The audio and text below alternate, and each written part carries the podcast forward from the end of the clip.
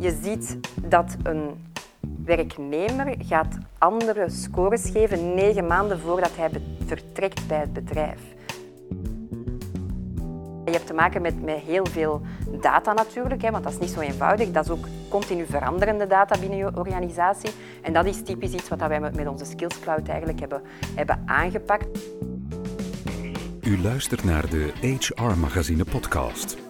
Een bekende journalist interviewt twee experts over een actueel HR-thema. Ze geven hun visie op de toekomst.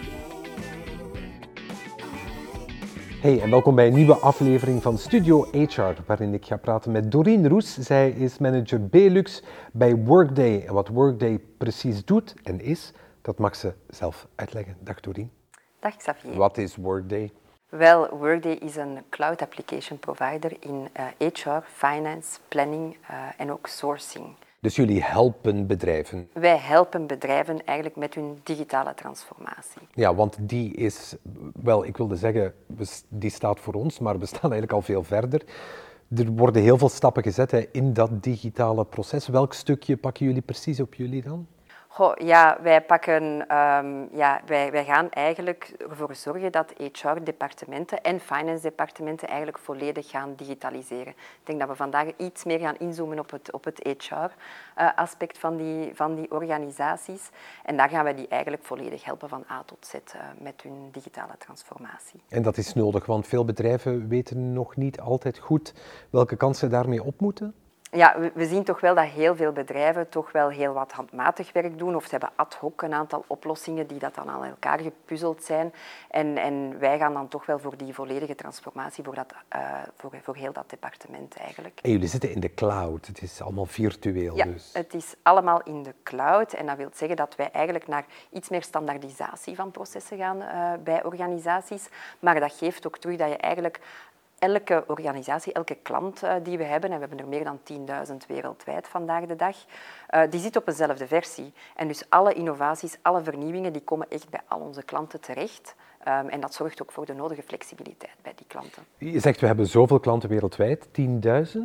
Ja, klopt. Maar het is niet one size fits all, toch, denk ik. Hè? Elk bedrijf heeft andere noden. Maken jullie op maat van bedrijven op basis van hun wensen dan een pakket waar ze mee aan de slag kunnen? Ja, natuurlijk gaan wij zaken aanpassen. Hè. Er is altijd een, een, een soort van, van implementatie, eigenlijk, zo, zoals, zoals we dat noemen bij, bij klanten.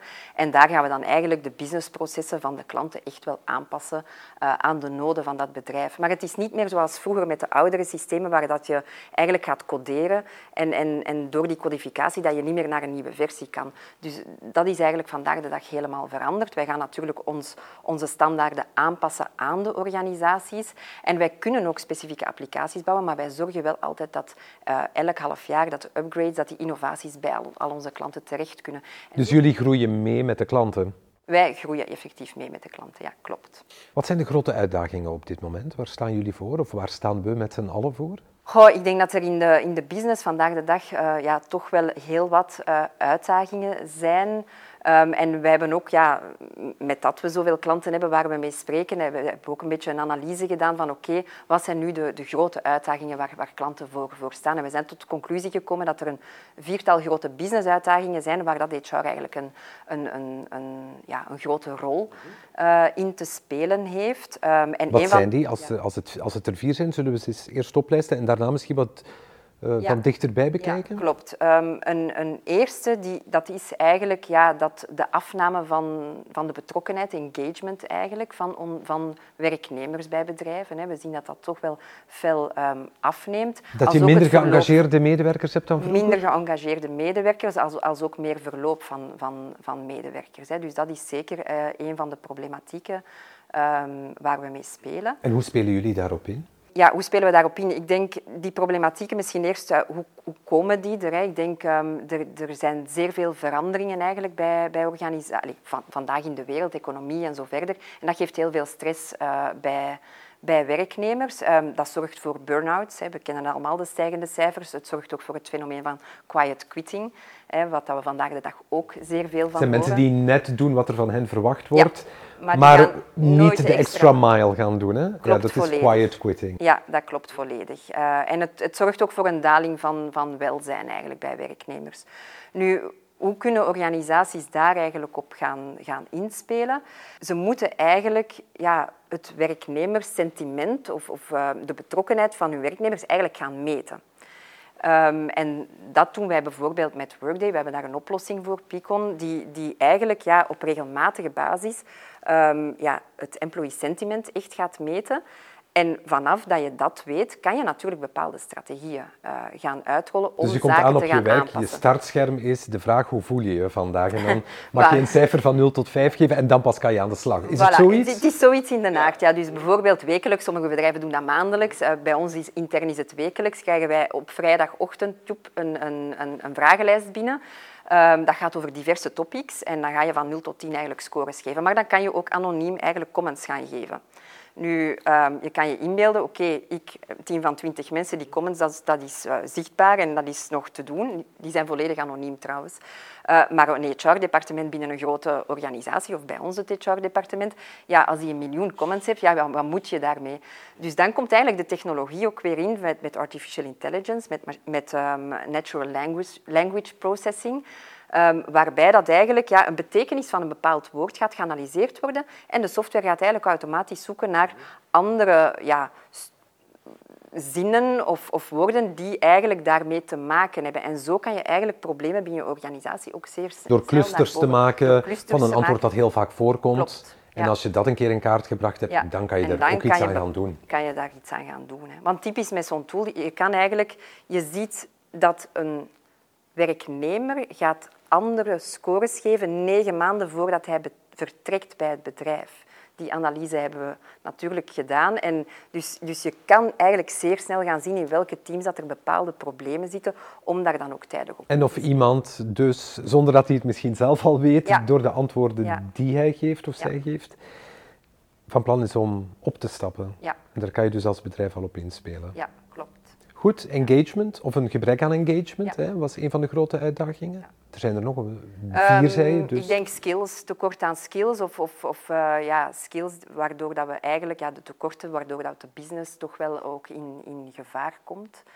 Ehm, Je heeft- bedoelt dat er een, een, want dat horen we wel vaker en dat is in veel bedrijven zo, dat de mensen die afstuderen niet noodzakelijk de competenties hebben om op de arbeidsmarkt aan de slag te kunnen. Dat daar toch een soort mismatch is tussen afgestudeerden en de vacatures die ja, er zijn. maar het heeft, gaat ook niet alleen om afgestudeerden. Het gaat evengoed om mensen binnen een organisatie met dat eh, de business zo sterk verandert. Eh, Denk aan de automotive-industrie, die de, heel die, die transitie heeft ondergaan van brandstofmotoren naar, naar, ehm, naar elektrische Een motoren. garagist moet meer een IT'er zijn nu dan dat hij nog een Ja, garagist die, mo- is. die moet alles weten van elektronica. Natuurlijk, dat was vroeger helemaal niet het geval. Dus ja, dan ga je eigenlijk... En heel die industrie, dus dat is in, in elke industrie zo, heel die industrie is op zoek naar hetzelfde soort profielen. Ja, op de markt ga je die niet vinden. En hoe spelen jullie daarop in? Ehm, ja, dan ga je eigenlijk als organisatie, wat ga je moeten doen? Je gaat eigenlijk al de skills die dat je in je onderneming hebt, eigenlijk, ja, je gaat daar een analyse van moeten maken. Hè. Je gaat dat goed in kaart moeten brengen. En je gaat ook heel goed in kaart moeten brengen naar ja, waar moet ik evolueren voor de toekomst van mijn business. En dan heb je natuurlijk die gap of die kloof daartussen. En dan kan je bepaalde strategieën eigenlijk gaan uitwerken om ja, die kloof ergens te gaan dichten. En dat kan enerzijds zijn van oké, ik ga een aantal profielen recruteren natuurlijk als je die vindt op de Dat is markt. de makkelijke oplossing, ja. de makkelijke als je ze Enfin, vindt. als je ze vindt, natuurlijk, ja. Eh, maar dan kan je natuurlijk ook ehm, een, ehm, zeggen van oké, ik ga bepaalde mensen gaan opleiden. Of ik moet bepaalde mensen zeker houden in mijn organisatie, dus ik ga daar bepaalde ehm, ja, rewarding eigenlijk voor gaan toekennen. Eigenlijk. Nu, allemaal gemakkelijker gezegd dan gedaan.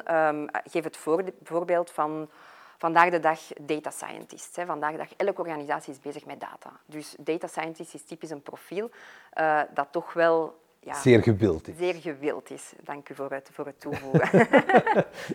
Een profiel dat zeer gewild is, maar als het zo gewild is, zal er ook wel een tekort aan zijn. Daar is inderdaad een tekort aan. En dan kan je gaan zeggen als onderneming van oké, ik moet er een tiental hebben binnen de twee volgende jaren. Ik geef nu maar willekeurig een voorbeeld. Ik ga er een aantal gaan proberen te recruteren op de markt. Maar daarnaast wil ik eigenlijk ook intern kijken welke mensen ga ik opleiden tot data scientist. Om, om ook die gap daar te, te gaan, gaan vullen. Misschien mensen die al in je organisatie werken, waarvan je de vraag kan stellen, wil je je laten omvormen om hier zeg maar, op langere termijn te kunnen Ja. blijven? Klopt, maar je moet ook proberen om zo succesvol mogelijk eigenlijk te zijn. Hè? Want als jij trainingen, als je die mensen gaat trainen, je wil ook zeker zijn dat dat tot een succesvol einde leidt. Dus wat ga je dan doen? Je gaat bijvoorbeeld analyseren, data scientist, typisch welke skills hebben die? Geef nu maar een willekeurig voorbeeld. Die zijn goed in statistiek. Oké, dan kan ik binnen mijn organisatie gaan kijken, oké, welk zijn mensen die dat advanced skills in statistiek hebben? En dan ga ik eigenlijk die proberen om die te proberen om te vormen um, naar um, ja, een data scientist binnen Dat je niet lukraak in je bedrijf op zoek gaat naar mensen die een data scientist ja, willen worden. die misschien interesse hebben in de job, maar misschien... De skills niet, hebben en ook nooit zullen hebben, En nooit, nooit zullen hebben, mhm. eigenlijk. En dat is natuurlijk... Ja, je hebt te maken met, met heel veel data natuurlijk, hè, want dat is niet zo eenvoudig. Dat is ook continu veranderende data binnen je organisatie. En dat is typisch iets wat wij met onze Skills Cloud eigenlijk hebben, hebben aangepakt om ja, dat volledig in kaart te gaan brengen, maar ook om, om met marktdata nieuwe skills ook steeds toe te voegen aan onze Skills Cloud. Klanten die dat uh, nieuwe skills gaan opmaken, die komen ook allemaal in onze Skills Cloud. En daar komt natuurlijk ook wel heel wat artificial intelligence en machine learning uh, bij te kijken. Um, we hadden vier uitdagingen, twee hebben we al besproken. Hè. Een gebrek aan engagement toch, veel minder dan vroeger.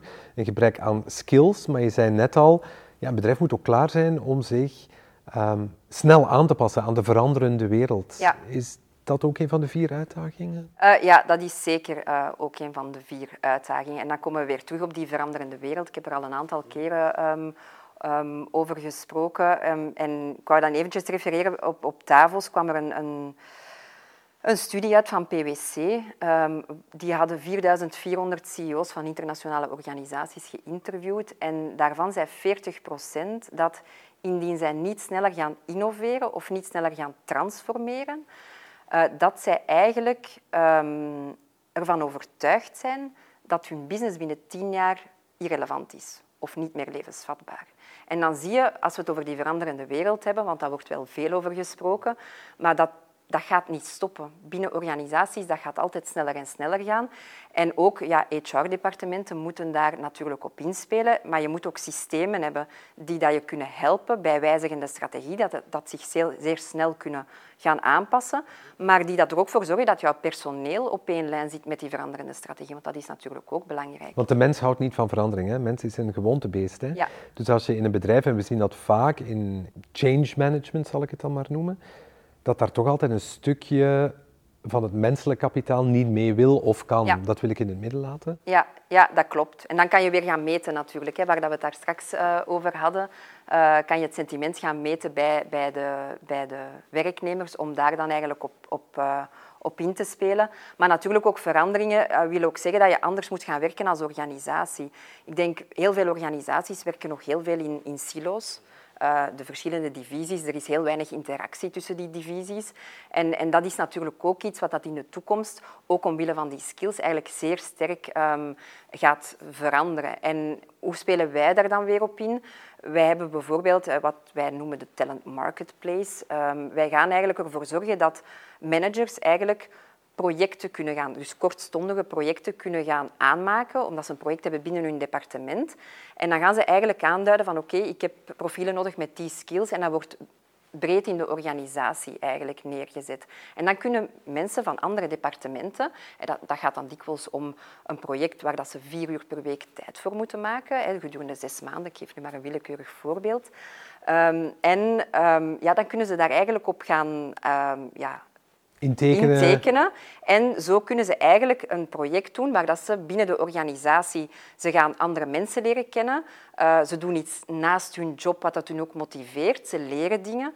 Uh, en dat is ook typisch iets waar dat... Uh, ja, maar dan moet het departement waar je werkt natuurlijk het er wel mee eens zijn. Ja, de manager moet altijd toestemming geven, hè, logischerwijze. Nu, um, we hadden um, met Rolls-Royce bijvoorbeeld, een van onze, onze eh, grote klanten, die, die hebben dat uitgerold. En bij hun trial eigenlijk, waar ze het bij 4000 van hun werknemers hadden uitgerold, hebben ze eigenlijk gemerkt dat zonder dat mensen extra overuren deden, dat er duizend uren eigenlijk vrij waren gekomen dat mensen deden additioneel bovenop hun normale job. Terwijl ze normaal misschien trager werken, waren ze nu meer gemotiveerd om hun job eigenlijk sneller af te werken, omdat ze nog aan andere zaken kunnen werken. Dus ook die betrokkenheid bijvoorbeeld, ja, dat heeft daar dan ook weer um, een positief effect op eigenlijk.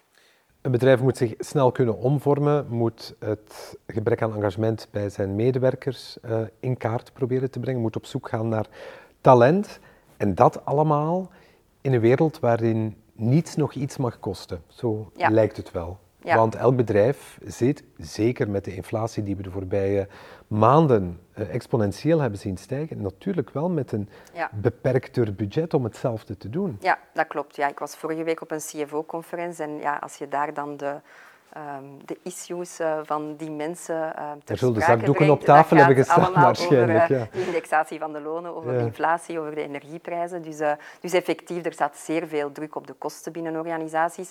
En ja, wat kan je dan gaan doen? Dat is meer efficiënt gaan werken en meer gaan automatiseren. Je gaat het moeten doen, allee, meer moeten doen met minder, om, om het zo te Dus zeggen. je zal eerst nog weer eens wat geld moeten uitgeven om op langere termijn te besparen. Want je kan wel automatiseren, maar als je die processen nog niet hebt, dan Ja. moet je daar wel eerst in Ja, gaan je moet investeren. natuurlijk investeren in die automatisatieprocessen, dat klopt. Ja, dat is heel zwart-wit, maar inderdaad, het gaat om als je meer moet gaan doen met minder mensen, ja, dan ga je technologie moeten gaan inzetten om bepaalde zaken op zich te nemen.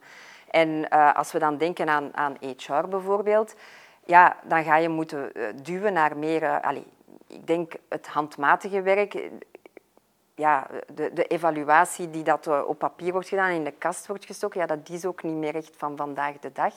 Eh, je gaat echt moeten gaan, gaan, gaan automatiseren. Er moet meer self-service ook zijn bij de werknemers, zodat zij eigenlijk direct ja, kunnen vinden wat zij nodig hebben, in plaats van dat zij HR eigenlijk moeten contacteren. Hè. We hebben Gintegerecht een chatbot, ja, daar kan je je vragen aan stellen. Eh, die komt met het antwoord op je vraag uiteindelijk. Hè. Dus dat, dat wil weer zeggen dat je op mensen daar binnen het HR-departement ook weer kan gaan, ehm, ja, gaan besparen uiteindelijk. Ja, het is een theoretische benadering, bijna een klinische benadering van de medewerker, ehm, omdat die helemaal in een cloud wordt samengevat, zal ik het maar zeggen. Ehm, maar er is ook nog de mens in de medewerker. Hè. In hoeverre kan daar ook nog rekening mee gehouden worden in het model dat jullie voorstellen? Goh, daar is heel veel ruimte voor en bedrijven zijn daar echt wel enorm mee bezig. We hebben het over die betrokkenheid bijvoorbeeld, het well-being aspect. Ehm, ja, hoe dat ik het zie is vandaag de dag zijn bedrijven meer dan ooit bezig met, met zulke zaken. En het is net die toegevoegde waarde eigenlijk die dat HR vandaag de dag kan gaan bieden. Als zij niet meer moeten bezig zijn met, met ja, procesgedreven zaken, laat het mij zo zeggen, wat dat uiteindelijk door de technologie gemakkelijk kan opgelost worden, ja, dan kunnen zij net meer hun toegevoegde waarde eh, zetten op, op andere gebieden binnen, binnen de organisatie. En allee, ik zie echt wel dat dat ja, zeer sterk de, de, de tendens is bij, bij organisaties. Zullen we het eens proberen samen te vatten? Ehm, het belang van artificial intelligence mogen we niet onderschatten. Als bedrijven die geen AI gebruiken, die zijn niet future-proof. Uh, nee, ik denk dat het heel belangrijk is om daar toch over na te denken. Hè. We spreken er vandaag de dag heel veel over. Uh, bij Workday zetten wij dat echt in de core van onze, van onze oplossing, um, zodat we één datacore hebben waar dat dan echt die artificial intelligence en machine learning um, ja, um, op kan in, inwerken, laat het mij, mij zo formuleren. Moderniseer je HR-departement als dat nog niet gebeurd zou zijn? Dat is ook een van de conclusies. Ja, maar ik wou nog eventjes terugkomen, Sorry, op, uh, ik wou nog eventjes terugkomen op die machine learning. Ik denk dat het wel belangrijk is dat er uiteindelijk... Um, er wordt zeer veel geautomatiseerd, maar het is nog altijd wel de human being die uiteindelijk de beslissing neemt. En dat is ook onze approach bij artificial intelligence en, en machine learning. En dat is een zeer belangrijke... Het is niet dat AI de mens wegduwt, hè, want niet iedereen beseft dat. Ja. In heel veel hoofden leeft het idee dat als je Ja. AI binnenhaalt, dat je dan je mensen buiten gooit. Ja, maar zo nee, absoluut niet. niet. Die gaan eigenlijk dingen voorstellen, maar uiteindelijk is het altijd wel de human being die dat uiteindelijk de beslissing neemt. Hè. Dus dat is een, een heel belangrijke. Dus het belang van artificiële intelligentie niet onderschatten, maar ook je HR-departement moderniseren. Zorgen dat het klaar is voor de toekomst, anders is je bedrijf niet klaar voor de toekomst, neem ik aan. Ja, dat klopt. Ja. Je moet uh, mee met de nieuwe technologie, je moet gaan digitaliseren, je moet gaan transformeren en zorgen ook dat je alle flexibiliteit hebt naar de toekomst toe. Dat is ook een heel belangrijk. En daarvoor kunnen ze bij jou terecht. Ja, dat klopt. Dankjewel Doreen Roes van Workday. En u bedankt voor het luisteren naar een nieuwe aflevering van Studio HR.